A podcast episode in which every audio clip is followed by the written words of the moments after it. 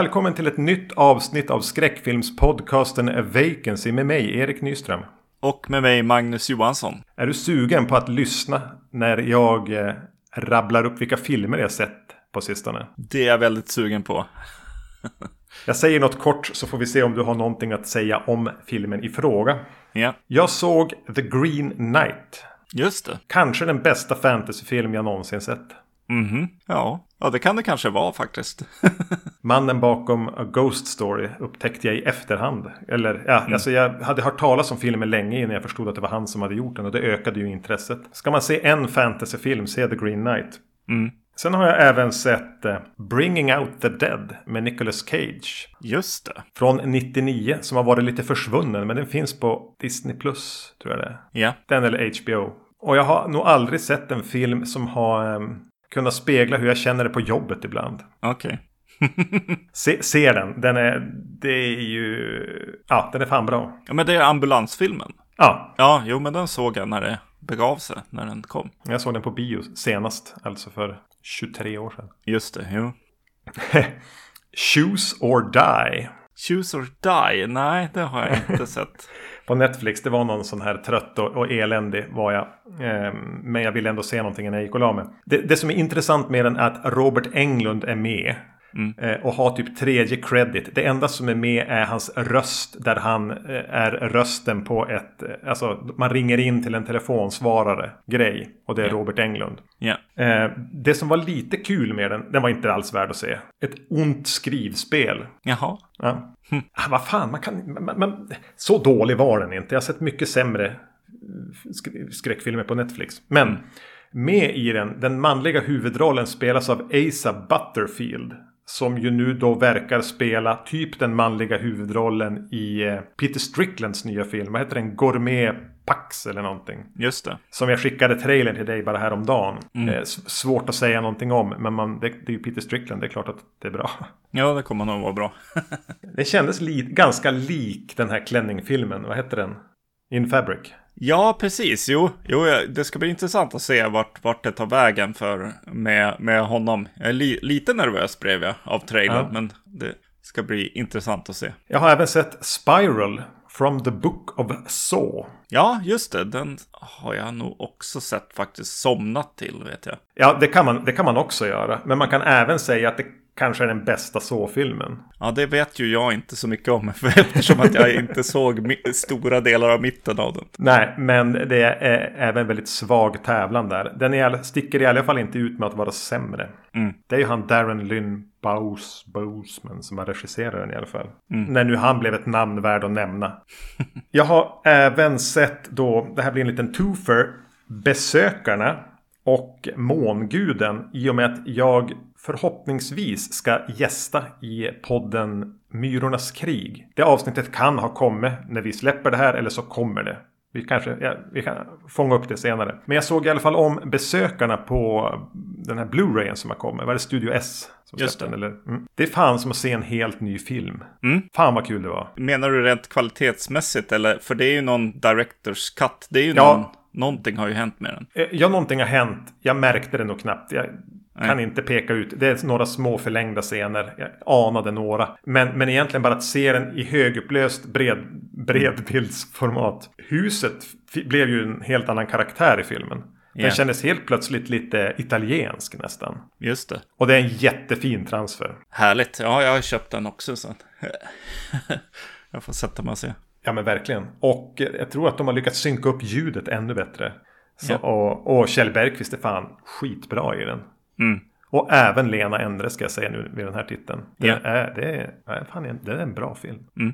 Eh, Månguden vill jag inte säga någonting om. Nej. eh, jag har även sett eh, Sightseers som jag ju lovade i förra avsnittet att jag skulle försöka se. Mm. Eh, ben Wheatleys eh, som kommer mellan tror jag Killist och A Field in England. Ja, just det. Eh, ja, vad fan. Ja, men den var väl, den var väl okej. Okay.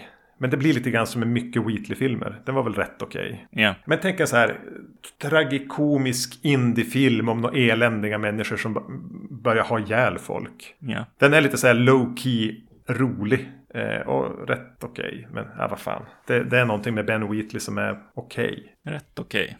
Okay. Rätt okej. Okay. ben rätt okej Wheatley. ja. Jag har sett eh, The Vigil. Eller The Vigil, nej The Vigil. Som eh, Vargtimmen, podden Vargtimmen verkligen gillade. Den mm. fanns ett tag, kan finnas kvar, oklart, på SVT Play. Eh, alltså även den så är men rätt, rätt okej. Mm. Bra slut, men jag har inte så mycket att säga om den. Nej, just det. Nej. Jag har en film kvar. Och det här är mitt livs sämsta filmupplevelse någonsin. Okay. Och det har egentligen ingenting med filmen att göra. Men jag hade en sån här fruktansvärd natt när jag inte kunde sova, mådde röv. Vid två gav jag upp. Tänkte jag sätter mig och ser, jag slår igång en film, någonting som jag kan somna till. Mm. Men då är jag ju ändå så här att jag, jag vill inte se någonting som jag kanske vill se. Eller som jag så här, är, är, nyfiken på. För då fuckar jag upp den titeln. Mm. Och jag startade bara upp, eh, måste vara det Disney Plus. Och första filmen den föreslog till mig var Hot Shots. Första yeah. Hot Shots-filmen. Så jag tänkte det här blir perfekt. Jag kommer att somna till den.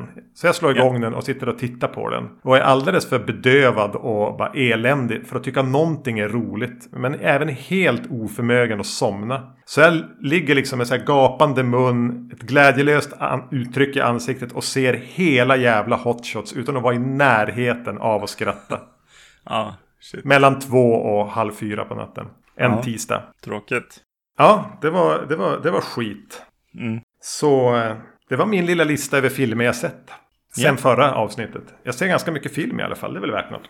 ja, det är det.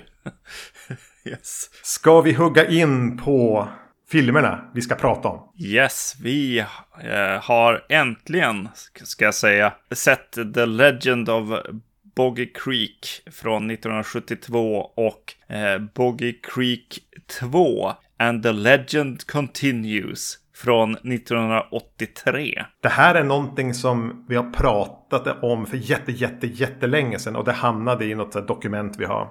Och jag vet mm. att jag klickade hem första filmen från för, för, för no inga pengar från Amazon mm. Marketplace eller någonting. Eh, men att det, det, lite var det här. Det, det är en liten komplicerad det här är egentligen en kvadrologi skulle man kunna säga. Mm. För först kom Legend of Bogger Creek. Eh, blev en liten oväntad succé, men mer om det senare. Sen var det några andra som in, eh, gjorde en liten bastard-uppföljare 77. Mm. Innan regissören då för första filmen som inte ville ha med den att göra bestämde sig eller kanske övertalades eller att göra sin egen uppföljare som vi då också ska prata om. Eh, Boggy Creek 2 and the Legend Continues. Och sen har det kommit ytterligare en film då 2010 som jag inte riktigt vet vad den har för koppling till någon av de här andra. Jag tänker att den en fristående remake, reimagining eller bara har lånat titeln för att göra någon slags liknande. Mm, mm. Och det pratas om ytterligare någon eh, remake. Ja. Men, men, vi valde då alltså att plocka ut de två som är regisserade av anledningen kanske till att du sa äntligen nu. Ja. Och det är ju då Charles B. Pierce. Charles B. Pierce. Och varför är du så nyfiken på en film eller två filmer som han har gjort? Ja, precis. Han gjorde en till film som, som låg väldigt länge osedd. som inte riktigt gick att få tag på tror jag. Uh, The Town mm. That Dreaded Sundown. Uh, som vi såg. Och... Uh, ja, vi pratade om den för massor med avsnitt sen. Ja. Och var ganska förtjusta i. Ja, precis. Yes. Jag gillar den och jag, jag gillar, gillade framförallt någonting i filmskapandet det fanns någon, något som kändes liksom eh, gjort av någon som har sett, sett lite film och gör egen film genom att prova. ja, ja men verkligen. Han känns eh, otroligt gör det självig. Pierce. Ja. Mm. Eh, som bara av en passion att göra film. Precis, precis. Och han har ju, och det kanske vi... Ja, men vad, vad kan vi säga om, om Boggy Creek? Legend of Boggy Creek. Det är en mockumentary Typ. Mm. Om eh, en liten The Fuke eller Fuke Monster. Mm. Ett monster som visar sig i en liten håla i är de i Arkansas? Eller är de i... Den, den är just vid Louisiana, Arkansas, Texas där. Ja, precis. Uh, vad heter den? Uh, The Town That Dreaded Sundown var ju i Texarkana. Och det är väl hans hemort. Uh, och det var väldigt nära där. Ja, det, här, det är väl typ närmsta st större staden till den här Fuk. Ja, precis. Ja, där invånarna beskriver sig ha sett ett Bigfoot-liknande monster i, men, i skogen, i träskmarkerna omkring som ibland verkar söka sig in bland husen. Mm. Den är tydligen baserad på sanna berättelser. Det pratades om tydligen på 60-talet om att vissa uppgav sig ha sett det här Bigfoot-liknande monstret mm. i den här staden. Och det var väl de berättelserna, notiserna, skrönorna, legenderna som Pierce tog fasta på och tog hjälp av sin polare Earl E. Smith. Mm. Känns, som, känns som en pseudonym. John Carpenter-pseudonym. Jag, jag tänkte ett tag bara, men vänta, vänta. Earl E. Smith, Charles B. Pierce. Jag, jag började tänka att, så här, vänta, finns, är samma person på två, två ställen i, på IMDB, men eh, så är ju inte fallet. Nej, det verkar faktiskt vara en riktig person. ja. eh, de kokade ihop den här historien som är då, som är den mockumentary, men de har åkt till, till Fuk, Fuk, hur man nu riktigt ska uttala det. Med en småstad på typ 350 pers. Och blandar inter, nästan intervjuer mm. med voice-over med rekonstruktioner av vad som närmast skulle kunna vara någon slags rekonstruktioner av de anekdoterna, berättelserna som finns. Lite dramatiserade, lite skarvade. Mm. Och han har bara använt sig i princip av ortsbor som har fått ja. spela sig själva. Yep. Eh, och, och, väldigt mycket miljöbilder. Mm. Mm. Så det är, ja, det är en märklig film. Japp, yes. Och särskilt som, som fenomen liksom. Ja, alltså, det är klart att det, en, en av de här, äntligen har vi sett den, eh, kommer väl av den här postern ändå. Som, ah. som är så otroligt eh, spännande och liksom, ja, man vill ju bara se vad som finns där bakom den. Det kanske har hjälpt med uppföljare och annat också. Ah. på något sätt ändå, jag vet inte. Men den blev ju tydligen en, kanske tack vare postern, men Eh, ska väl, det är väl inte bara därför, men en riktig drive-in succé. Den blev ju, mm. han spelade ju in otroligt mycket i förhållande till budget och, och ja, men, förutsättningar, pengar på den. Han körde runt. Han lastade upp materialet på någon så pickup och körde till Hollywood och lyckades hitta någon som ville, kunde hjälpa att klippa. Mm. Och så körde han runt och tiggde in den på festivaler där den faktiskt fick fart. Så han spelade mm. ju in oväntat mycket pengar med den. Vilket ju tragiskt nog resulterade i här, att han hamnade i clinch med alla som var med i den. För han hade inte tänkt behöva betala dem någonting. så, så hela den här byn stämde ju sen han och fick så här, tusen spänn för att de hade varit med i någon yeah. settlement. Och då var väl de nöjda. Eh, så återigen, det är väldigt eh, gör det själv. Mm, mm. Det är ju precis som The Town That Dreaded Sundown Down så är det ju väldigt så här, um, lokalt eh, också. Inte, ba, inte bara hemma, hemmagjort på, på sättet att, att göra film, utan även lokalt. Alltså sägner och eh, true crime-berättelser och så vidare från, ja. från, från trakten. Det finns ju definitivt en natur romantik här som, som är på hög, högvarv, som är också lokal på något sätt här. Det känns i musiken att, att eh, det är Ja, men det, det är från stället på något sätt. Ja. Fast att det är lite, lite så här, vad som man ska, John Denver romantiskt på något sätt. ja, ganska såsigt sentimentalt på något vis. Just fotot. Alltså, jag vet inte hur en, hur en riktigt bra Blu-ray skulle se ut på den här. Äh, utan, utan eh, DVDn som, som vi såg äh, har väl kanske inte bästa transfern i världen. Men eh, det är väldigt fin natur och bilderna, den här eh, brunlila nästan. Ja. Och blå, ja, blågröna liksom, fotot. Eh, det ger verkligen mycket känsla för, för platsen. Sen så jobbar han ju ganska hårt med det, med, med någon pojke som, som eh, springer och ska anmäla en, en sån här eh, inte attack utan en... Eh, sighting. En typ. sighting, ja. Då springer han över fälten och, och med så här gamla trasiga staket och lader och, eh, och kommer fram till ett eh, typ en mack eller vad det kan vara. Ett litet så här diner typ där, där det sitter gamla gubbar med lite för få tänder och såna här glasögon från 50-talet. det, det, det är ju väldigt eh, charmigt och lokalt och eh, liksom det fin världen är, ja men, satt på något sätt. Den, mm. är, den är på riktigt, på, genuin kanske. Han kastade den tydligen mycket så att han hängde runt där i, i krokarna och ja, men typ på, ja, men på macken i, i affärer och leta efter folk vars uppsyn han tyckte om. Mm, ja. Och sa, skulle inte du vilja vara med i min film? Jag gör en film om den här legenden. Och det gör ju att den är väldigt där. Och det, det är väl lite, ja, men det tror jag du har sagt redan om The Town That Dreaded Sundown. Den, den gräver ju där den står. Mm. Och han har, eh, det är mycket långa, långa, långa miljöbilder. Men jag hade nog inte velat vara utan dem här. Utan det är ju nästan en del av behållningen. Eh, nu, nu gissar jag här, jag vet inte om du har kollat upp det, men visst är det samma berättarröst som i The Town That Dreaded Sundown? Ja, det kanske det är. Det, det känns så på något vis, vad jag minns från den. För den har ju också den här voiceovern. Mm.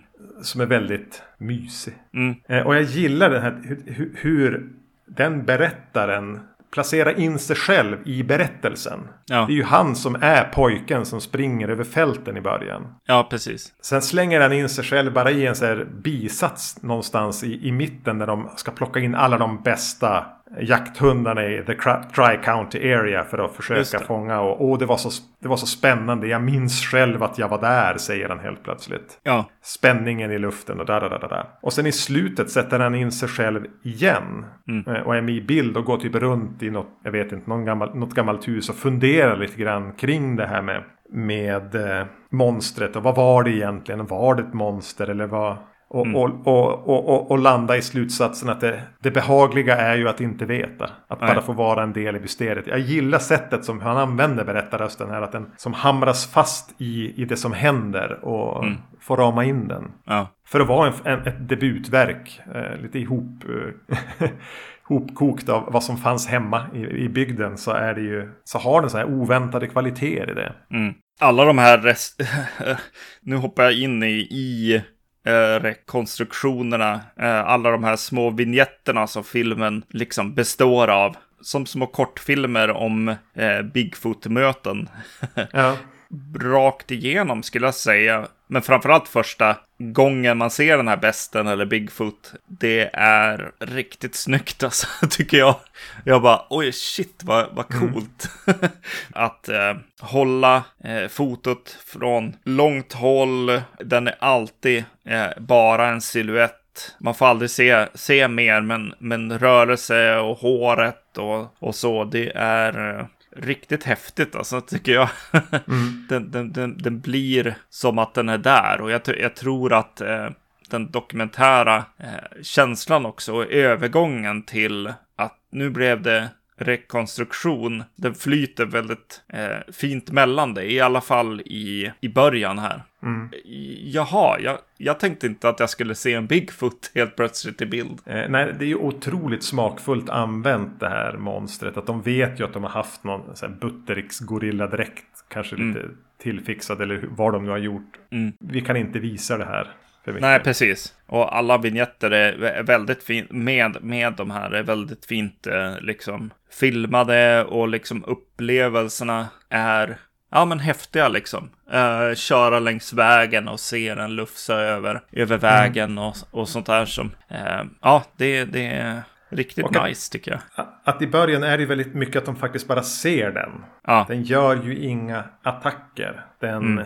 verkar ju mest... eh, De, de filosoferar ju om vad det är som gör att den under en period söker sig in till bebyggelsen. Om det är att vattnet stiger i träskmarkerna som gör att den behöver komma in för att hitta mat. Eller om den bara är, är ensam och uttråkad och kanske känner en koppling, en, en samhörighet med människor som gör att den vill närma sig och undersöka. Det får man som också fundera på. mm, Och sen gör den väl ganska tydligt att det är någon, nå- någon sighting där eller någon som eh, träffar på den. Och sen är det ett uppehåll på flera år. Ja sju, åtta år. Och det är verkligen, va, va, varför? Alltså rent eh, filmberättarmässigt så spelar det ingen roll, utan det är liksom faktamässigt som, Ja. som de gör en grej av det. Det, det är inte så att, eh, ja jag vet inte. Det, det, det blir ju, det blir ju något, något slags mok, mockumentärt. Det känns som de lägger lite mer sanningshalt i det på något sätt Ja. genom att eh, göra en liten konstig vändning där. Eller hade du, eh, hade du någon liksom koll på att, eller känn, kände du att just det uppehållet var, var del av historien på något sätt? Nej. Nej. Alltså, jag, jag känner inte att det finns någon dramaturgisk poäng med det. Nej. Utan att det bara... Om det var så utifrån det de utgick för eller om man tänkte att om jag slänger in ett glapp här så förhöjer det känsla, realismen. Ja. Ett oförklarat glapp. Mm. Jaha. Eh, det gör ju att det känns mer, mer på riktigt.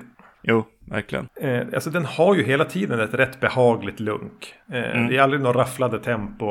Eh, men den stannar aldrig heller riktigt upp. Eh, men samtidigt känner man ju kanske av att jo, det blir någon hänger kvar på någon, något träd där. Eller lite för länge. Eller någon solnedgång över någon bäck. Men jag hade ganska kul att titta på dem. Att det störde mig inte. Men, men vissa saker ändå. Vissa saker. Mm. Som den här tonårspojken som han börjar berätta om. Som tar kanoten ibland för att kampa på egen hand. Och stanna på en ö. Och Mm. det den för dem till är någon, någon gammal man som lever helt isolerad. Så att vi får träffa han. Men för att Ja. ta oss till den karaktären så ska vi... En, en tidigare helt opresenterad tonåring. Mm. Och han får en egen låt. Ja, just det. Och han sitter där och kampar. Det det är väldigt eh, Alltså, westernfilm-känsla Tom där. Sawyer. Ja, Pierce har ju skrivit låtar här också. Och sjunger dem. mm, okej. Ja. Så det är han som, som sjunger en låt om den här pojken som kampar och ja, kokkaffe och paddlar runt i the bayou. Mm. Ja, men det är här jag, här jag tänker lite grann som att, att det blir lite grann som att eh, om jag skulle skriva en bok till exempel. Eh, som inte läser böcker, men jag har lite hum... Alltså jag läser en del böcker, det gör jag ju, men jag har inte läst jättemycket. Och, och eh, ja, då skulle jag gå på något slags så här, ja men så här är det nog. Och så finns det säkert ett kapitel om det här. Och så, och så skriver man på och så bara, ja men så här är det kanske. Är det så? Och så vad visar man det för någon och så bara, nej inte riktigt. Och så bara, okej jag provar igen. Och Ja. lear, learning by doing höll jag på att säga. Det är Ja. ett sätt att se på det. Men just att studera någonting. Eh, och så sen, ja men jag vill göra likadant. och så sen så blir det inte helt likadant. och och, och det, det, det är lite sån känsla jag får av, av honom. Eh, och sådana här typer av del, delar i filmerna. Liksom. Att, Ja. Jo, han, han ville ta sig till den här enstöringen. Men han ville av någon anledning göra en brygga dit. ja. Behöver du ha en brygga i en dokumentär? Kanske inte. Du har ju din voiceover. Men ja, eh, ja, ja, jo, man kan ju se charmen i någon som lär sig Mm. göra film. Mm. Men man kan även kritisera det. Det kan man absolut göra. absolut. Eh, Den här är ju eh, en film som, ja men jag sa det ju lite i början att så här, men hur blev den hit egentligen liksom? Hur, hur blev den så stor att man vill göra eh, spin-offs och, och eh, uppföljare och så och att den går bra i drive-inen? Ja, alltså, det är klart om man bara ska titta upp på skärmen lite då och då liksom eh, och kanske hångla i en bil eller någonting liksom Ja. vid sidan av, då är den nog rätt bra liksom. Och så kan man titta upp och så bara shit vad läskig den där siluetten är som jag ser på nu. Men tror du att det var så att det var lite Blair Witch-grejen? Ja, just det. Att, att om du slötittar på den och hångla och, eller sitta och prata med dina kompisar och dricka nå- ur någon plunta som någon har med sig. Att bara, men vad fan har det här hänt? Ja, exakt. Ja. jo, Fan vad otäckt. ja. Det var, det var typ min behållning med Blair Witch egentligen. Jag var inte jätteförtjust när jag såg den på bio. Det var alltså att när jag gick ut att det var några unga tonåringar. Jag var väl fan tonåring själv då nästan. Men yngre tonåringar som var helt bara. Men det här kan man ju inte visa. Så jävla hemskt. Så sjukt. Har det här hänt? Att, att eh, den känslan kanske många hade med sig då 72. Ja, det är sant. Det, det är nog en rätt ovanlig film i, det, i, det, i den kontexten. Ja, precis. Jo, mockumentary. Kanske Tidig helt- mockumentary. Ja. Ehm, men fan vad jag hade velat se den här på Drive-In. Tillsammans med någon Jack Hill-film eller någonting. Alltså det. någonting annat schlockig. Eh, halvkvalitativt. Jo, verkligen. Men har Pierce hittat ett sätt att fuska i hur man gör film? eh, Sundown har ju lite samma vibb av att vara nästan en pseudo-dokumentär bitvis. Där, där de spelade segmenten känns lite grann som rekonstruktioner. Mm. För att genom att eh, bara använda sig av locals och göra det som rekonstruktioner är det liksom svårt att ifrågasätta skådespeleriet. Ja, precis. Ja, Och det gör man ju aldrig här. För man köper ju sammanhanget de är med i och att de är inte skådisar. nej. Eh, De gånger mot senare delen av filmen när man anar mer av monstret och sånt där kan man ju tänka att det kanske inte är de bästa effekterna. Men det är ju bara en rekonstruktion, så vad gör väl det? Ja. Att den egentligen inte har någon direkt dramaturgi. Eller den har ju kanske det. Men det är ju en dokumentär. Den behöver ju inte ha det.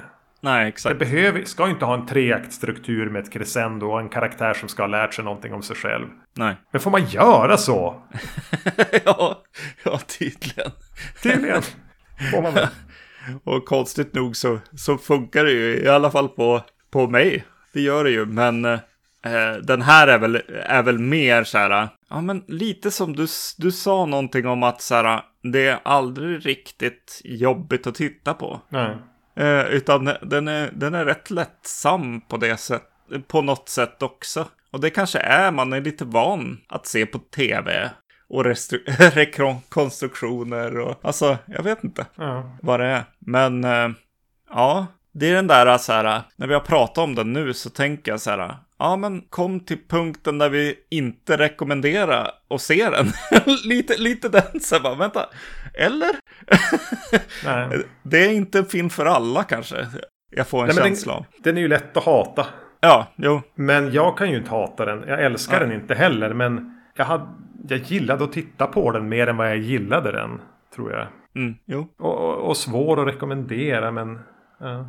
Ur, ett, ur ett lite där filmarkeologiskt perspektiv är den ju intressant om man tänker då på ja, men, Cannibal Holocaust som kom vadå, sju, åtta år senare. Och Blair Witch då som kom eh, ytterligare några år senare. Så finns ju de här mockumentary-spåren där. Att de bygger på, på varandra och på tidigare idéer. Och det finns ju äldre filmer. Vi såg den där som jag gav till dig i julklapp. Den här Punishment Park. Om du kommer ihåg den. Ja. Som väl var, kommer på sent, alltså några år före var ju också en, en låtsasdokumentär. Så det verkar ju Mm. vara en tradition som har funnits mycket längre än vad jag har tänkt att den har. Mm. Det här låtsas found footage och... Ja, precis. Nej, det verkar vara så. Det här var just före pandemin. Det pratades om att någon dotter till Pierce, eller vad det nu var, eh, hade var med i arbetet med att restaurera The Legend of Boggy Creek. För, för att köra på någon liten filmfestival drive och kanske ett 4K Blu-ray-släpp i originalformat som det var avsedd att visas. Vilket det kanske inte är det vi har sett den. Jag vet inte. Nej. Svårt att avgöra. Men som du, som du sa tidigare, vill man det? Ja, ja precis. Eh, problemet kan ju vara eh, själva besten, eller vad man ska säga, monstret. Eh, För att eh, det funkar så jäkla bra, i, i, för mig i alla fall, i, Ja, i jo, den här håller med. filmen. Med. bara helt core svart silhuett liksom. I alla fall på min tv så blev det bara, ja. Mm. det, det går inte att se något annat än, än en silhuett som har väldigt bra rörelsemönster för övrigt Ja. också. Tycker är särskilt den här som ser han komma ut och gå ut i är någon bäck eller någon liten fors på avstånd Mm. och typ tvätt, svalka fötterna eller vad monstret gör. Den, den bilden. Snyggt rörelsemönster. Men och hur skulle då, det då se ut i en 4K-upplösning? Mm. Eh, jag föredrar nog den här VHS-looken. Yes. Är jag rädd utan att ha sett den. Någonting annat. Ja, ska vi gå till Boggy Creek 2? And the legend continues. Ja. Skriven, regisserad och i huvudrollen har vi även Charles B. Pierce. Mm. Lyckades väl övertalas att göra den här. Han ville ju ändå etablera sig som en seriös filmskapare, fi- fi- regissör. Mm. Och lyckades ju när han åkte. Han trampade ju på mycket runt, runt Texarkana där och grävde den stor. Men han var en sväng till, till Hollywood. Och lyckades bli kompis med Clintan. Just det, Och var med och skrev en draft på, vad heter den? Sudden Impact. just det. Pierce hävdar att det var han som skrev. Han, den skrev han då tillsammans med han Smith här. Earl E. Smith. Mm. Att det var de som. Eller att det var Pierce och han som knäckte. Eh, Come on, make my day. Ja, Vilket har ifrågasatts av många. okej, okej. ja, jo, när sånt här händer då är det eh, att det kommer en sån rubrik. Då brukar det bli, eller reprik, då brukar det bli många som, som tar på sig ansvaret för den. Många re, repliker som säger sig vara improviserade av skådespelare som in, kanske inte är det. Jag vet inte. Du vet eh, den välbekanta temperaturlistan i Titta de snackar. ja, Hävdar ju både Emil och Gustav att det var de som kom på. Mm, just det. det är jättebra. Ja, ja vad fan. Vad fan handlar den här om? En, en collegeprofessor tar med sig några studenter ut i skogen för att leta efter monstret, typ. Precis, de har, de har, har liksom eh, hört talas om att det händer saker kring, kring monstret. Eh, I alla fall som jag förstår det. Ja. Och eh, ska ut och, och, och söka reda på det här och dokumentera och lära sig saker. Förmodligen fått något forskningsanslag och har med sig forskningsutrustning. Ja, Så det blir lite att eh, Boggy Creek möter någon fredag den 13 film. mm. Ja, och lite Dirty Harry. Ja, På är, något är, sätt.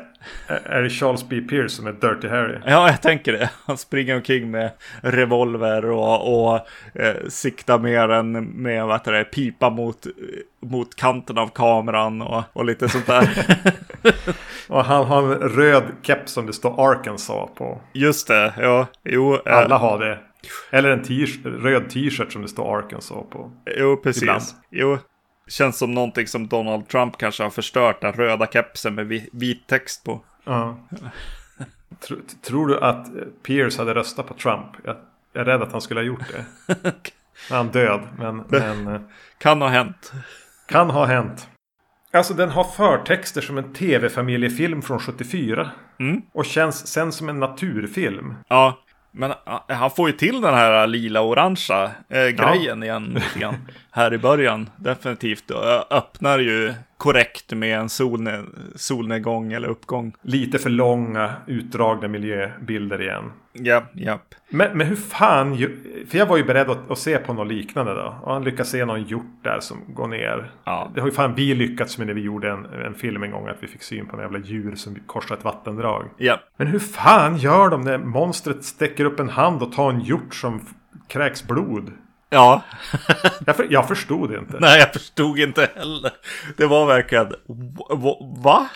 Vad händer? Det bara sträcks upp en, en hårig eh, ha- hand och bara tar tag i liksom hjortens eh, horn eller, eller så börjar liksom eh, fightas med den här och, och döda hjorten. Jag tror först att jag trodde att de hade lyckats fånga när en krokodil drar ner en hjort. För först ser man inte vad det är. Nej. Men sen kommer ju bara den här jävla monsterhanden upp ur vattnet. Ja, exakt. Ja. Och den här filmen har ingen budget. Nej. Ja, den kanske har en lite större budget än föregångaren. Nej, jag har, jag har ingen aning faktiskt. Alltså, det, det är väldigt, väldigt häftig start. Eh, läskig och, och, och så. Det är mycket klipp där i. Så att någonting händer ju. Eh, Ja. Så man, man får nog eh, analysera den ruta för ruta där, vad som händer faktiskt. Anatomy of a scene som han hade kunnat föra runt och föreläsa med. Ja, exakt. Jag kommer att tänka på The Prowler. Vi har väl aldrig pratat om den än. Vi kommer dit någon gång. Mm. Men i The Prowler är det en scen med en tjej som får eh, halsen avskuren i en pool med en machete. Mm. Och jag vet att när vi såg filmen blev vi... Vad fan, det var en bra effekt. Mm. Tom Savini har gjort den. Och så kollar man på bakom kulissen när man får se hur de visar den. Ja. Och jag förstår fortfarande inte hur de har gjort den. Nej. Så de två bästa effekterna på film någonsin. Japp. Det är alltså Boggy Creek 2. När de tar hjorten och i The Prowler halsen avskuren i en pool. Japp, japp. Ja, den här är ju inte dokumentär ska jag väl säga. Den här ger ju inte anspråk på vara rekonstruktioner på samma sätt. Eller en, en pseudodokumentär. Utan det här är ju berättelsen om collegeprofessorn, de tre eleverna. Ja, Men med voiceover. men med voiceover och tillbakablickar som Ja, de känns ju lite mer rekonstruktioner eller, Ja. eller från, en, från en dokumentär. Ja, exakt. Eh, fa- Fast det är inte dokumentärt för att han har vaselin på linsen den här Ja, gången. just det. Ja, riktigt lökig. Yes. Det, det som kommer väldigt tidigt i den här filmen, det är ju att eh, själva Bigfoot eller, eller besten eller monstret här är ju mer tydlig. Man får se den helt enkelt. Ja, fy fan. Och, och det kommer tidigt och, och det är ju liksom, eh, ja men den här gorilladräkten eller någon slags ap, apdräkt bara. Och eh, där tappas ju mycket mystiken liksom. Det, det är någon slags eh, Kane Hodder-variant av Bigfoot som, som dyker upp här. nu har det gått, gått några år i Fredag den 13 serien och nu kan vi inte göra Jason eh, läskig längre. Så nu gör vi han till någon slags huvudperson. Där vi får se han alldeles för, för mycket. Och, och det är ju det som händer här. Får säga för mycket, de ändrar lite karaktären på monstret. För i, i föregångaren så fanns det ändå den här melankoliska stämningen Eh, Ja. Med att monstret är ensamt. Det är det enda av sin sort. Det är frustrerat. Mm. Det är eh, lite som fångas upp av den här slutmonologen om mystiken. Eh, Medan här så släpper det ju runt på, på en unge också. Mm. Som Okej, det är inte ensamt och frustrerat. Och det ska synas i bild. Mm. Och det har ihjäl folk här. Har du aldrig i första filmen. Nej, exakt. Nej, det, det, ja, det är lite synd. Det, det, det är någon slags, eh, den här naturromantiken går, går, går ett steg till, till någon slags familjedrama, eh, romantik också, eller vad man ska Ja. säga. Eh, han, han har, visar, visar på att han är familjefar här, Charles B. Pierce. Han har med sin son och han har även med sin pappa i den här filmen. Just det. Ja, nej, precis. Nej, eh, nej, nej, det stör ju lite det här, det här barnet då. Och den aspekten av det. Det, det blir inte lika melankoliskt eller liksom, ja, nej, men det är väl det jag menar. melankoliskt. som, som den första filmen är. Den här auran av mystik runt monstret är ju punkterad ganska snabbt. Så, och, och istället får man helt enkelt försöka finna sig i att tillbringa mycket tid med Charles B. Pierce i huvudrollen. Mm. Jag ska inte säga att han är så jävla dålig skådis, det är han inte. Nej. Även nej. om han i efterhand har sagt att han, åh fy fan vad dålig den här är. Och jag är med så satans mycket. Jag och mina, det här är jag och mina kompisar. Usch. För han gillar inte den här. Nej. Det kan man väl ha förståelse för. Men det blir ju mer, man ska vara med han och de här tre ungdomarna. Jo. Och de är ju inte superkul. Nej, nej, precis. Nej, det är ju, eh, eh, nej, det, det finns en charm i det som han, han uppenbarligen inte ser för han vill, vill vara mer än vad han är. Ja. Så eh, definitivt. Men jag gillar, jag gillar ju att han tar på sig någon slags Dirty Harry eh, persona liksom. Eh, som den här collegeprofessorn. I jeansshorts. Ja, i jeansshortsen, alltså det, det, ja jag vet inte. Det, det är något charmigt med det, men eh, det är väl hans son gissar jag, Chuck. Eh, Chuck Pierce är hans son. Han som går runt i bara överkropp hela tiden. Ja, han är ju dock alldeles för stel som den här Tim som han spelar. Ja. Han är inte så bra och eh, upplevs liksom för mig. Han är inte så intresserad av att vara där, eh, men det uttrycker sig i att han känns lite halvdum ja. när han går omkring där. Jag tänker att han går runt och skäms för sin pappa hela tiden. Ja, precis. Jo. Försöker dölja det. Och att han ska ha bara överkropp. Olämpligt mycket. Mm, Överallt. Det- De vill väl sälja in att det är varmt och svettigt. Och jag tyckte den ändå gör ett ganska bra jobb med att skildra här klibbig, jobbig värme i den här filmen. Ja, precis. Charles B. Pierce liksom äh, skjorta eller vad han har. Den, den är är dränkt liksom. under, under, under bröstkorgen och alltså, det är väldigt så här äh, naturligt svettigt och inte tillgjort egentligen. Nej, nej. En av de här äh, studenterna tycker jag står ut som, och det är Serene Hedin, eller vad hon heter. Eh, Är det hon med lockigt hår eller hon eh, med rakt hår? Hon med rakt hår, Tanja Ja. spelar hon. Eh, hon ser ut som en skräckfilmsstjärna. Ja. Eh, hon, om hon inte var liksom fast i Texarkana så kan jag definitivt se henne i en fredag den 13 film liksom. Som en, en av de, förmodligen de som dör, men som var, hade charmen liksom. Ja. Hon, hon skulle kunna vara hon eh, som vill ligga med han i rullstol i fyran. Ja, exakt, ja. Lite den kvaliteten har hon. Jag tycker även hon med, med det här tjusiga lockiga håret. Att de två har ju ändå lite mer än, än någon annan i den här filmen. Alltså jag tycker att de, det var de som fick mig att tänka på när jag nämnde fredag den 13 tidigare. De har lite rymt från en, från en större skräckfilm. Ja, precis, definitivt.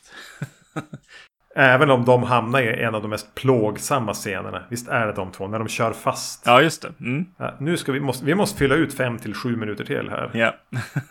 Ni får köra fast och försöka ta er loss och så händer det absolut ingenting. Ja, jag, jag tänkte jag borde då se, jag borde nog se den här scenen. Men det var faktiskt då som jag var på telefonen och höll på. eh, just, just i den scenen. Vad fan, du hade kunnat installera nya iOS-uppdateringen under den scenen. Ja, Fan vad lång den var. jo, jo. Jag tänkte här, här händer det någonting. Det är liksom, men det var ju för att det var liksom skådespelare gissar jag.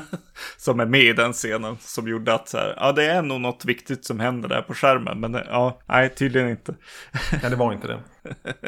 Okej. Okay. Min största så här, känsla när jag ser den är så här, nej men vad är felet på mig egentligen då?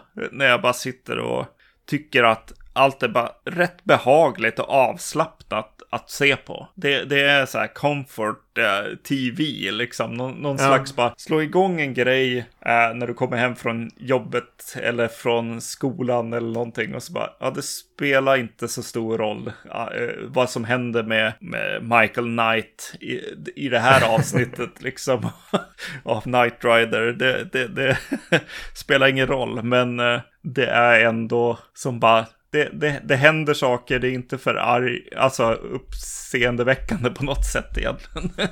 jag vet inte, jag, jag blir lite charmad fortfarande. Nej men den här har alltså 2,3 i snitt på IMDB. Mm. Pierce har själv sagt att det här är hans klart sämsta film. Han ångrar att han gjorde den. Ja.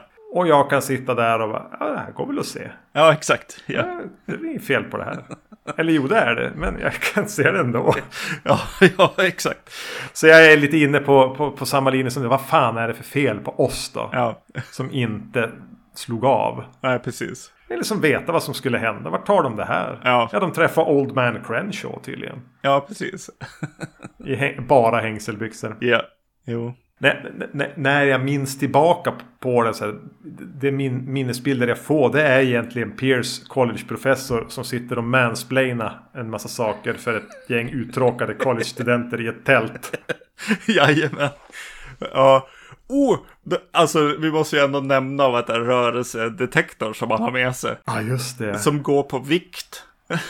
Ja. så han, han kan, se, han kan göra ett, litet, liksom ett område runt deras camp där han kan ställa in olika vikter på saker som rör sig mm. som då syns på skärmen. Liksom. Så han vill inte ha med så här, en liten ödla eller så, utan vikten ska vara ovanför liksom, 100 eh, kilo eller vad det kan vara. Liksom. Mm. Och så bara, det är helt bisarrt, men ja. Okay. Förklara den tekniken. ja, det är grymt bra. Nej, det är roligt. Alltså om, om det på ett sätt är svårt att rekommendera The Legend of Boggy Creek så är det på något sätt vis omöjligt att rekommendera Boggy Creek 2. Ja. Men ändå. Men ändå. Den ligger där på YouTube. ja. En, en fantastiskt bra YouTube-transfer måste man ju säga. Ja, precis. Den här är ju betydligt mer crisp än den DVD eh, på, på första filmen mm. som, som, vi har, som vi har sett. Ja. Han har ju gjort en del filmer till Pierce. Ja. Han har gjort en, vad fan heter den? Undrar om jag ska jag har inte skrivit ner det. Jag gör en liten sån här check. Eller vad heter det? The Visitors? Eller nej? Det är någon... Evictors eller någonting. Evictors, Från 79. Ja. Kan det vara? Är det Evictors? Vi säger att den heter så. Jag, jag, jag, är nog säker på det. Ja, den är jag jättesugen ja, på. Den lät jättespännande. Ja. Eh, och den är en, en som han säger att han är väldigt nöjd med. Just det. Så ska vi fånga upp Pierce mm. igen.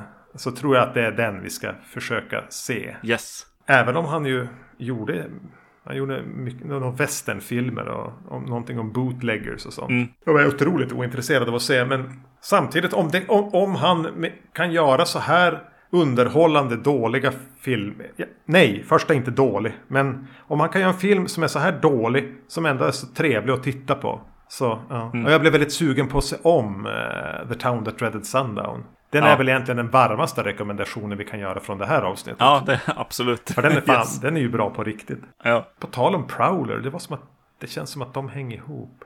Undrar om inte de är lite inspirerade av samma. Ja, det kan det vara. Eller att Prowler är inspirerad av de här morden som på 40-talet som ju den här. Ja, det här kan vara något jag har inbillat mig. Mm. Prowler, den borde vi också prata om. Ja.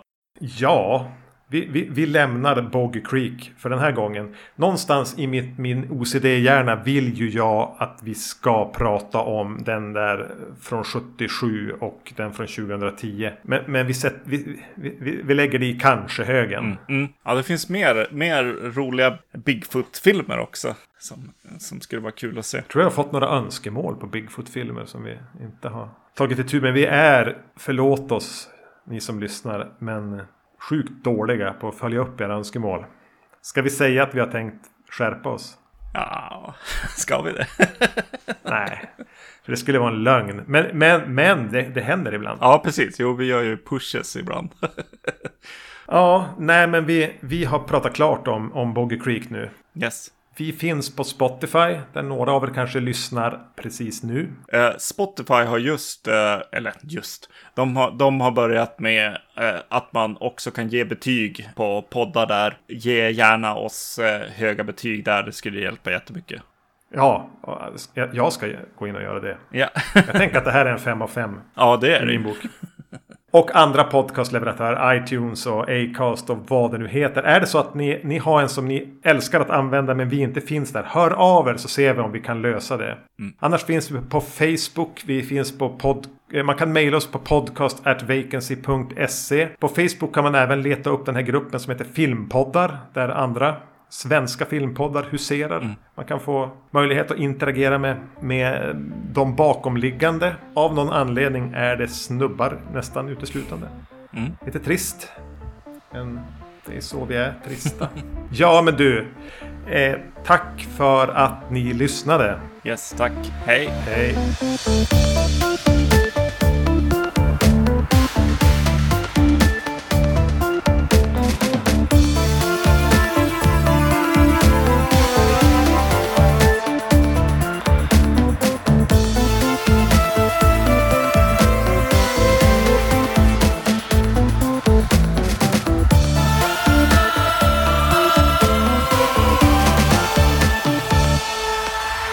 Obviously get together with the, these big masters of horror dinners that we see.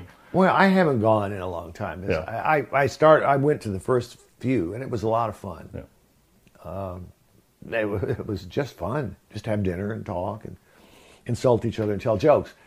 And then, you know, it, it sort of became something else. And the, the, I think the night that got me was David Cronenberg showed up, and mm. he's an old friend of mine. And unfortunately, takes himself so seriously these days. He's an artist now. And literally, he was holding court in the middle of the room. So I came over to talk to him. And he didn't look at me. And I thought, there's enough of this. Forget it. Goodbye. I walked out. I don't need this anymore. And, you know, fine. Eli Roth and his Hollywood hair, let him rule now. Darren Aronofsky, secretly, I think, hates horror films. Let, let, them, let the geniuses go. Let them go. Let them be geniuses. I'll stay home. Play Xbox. Hell yeah.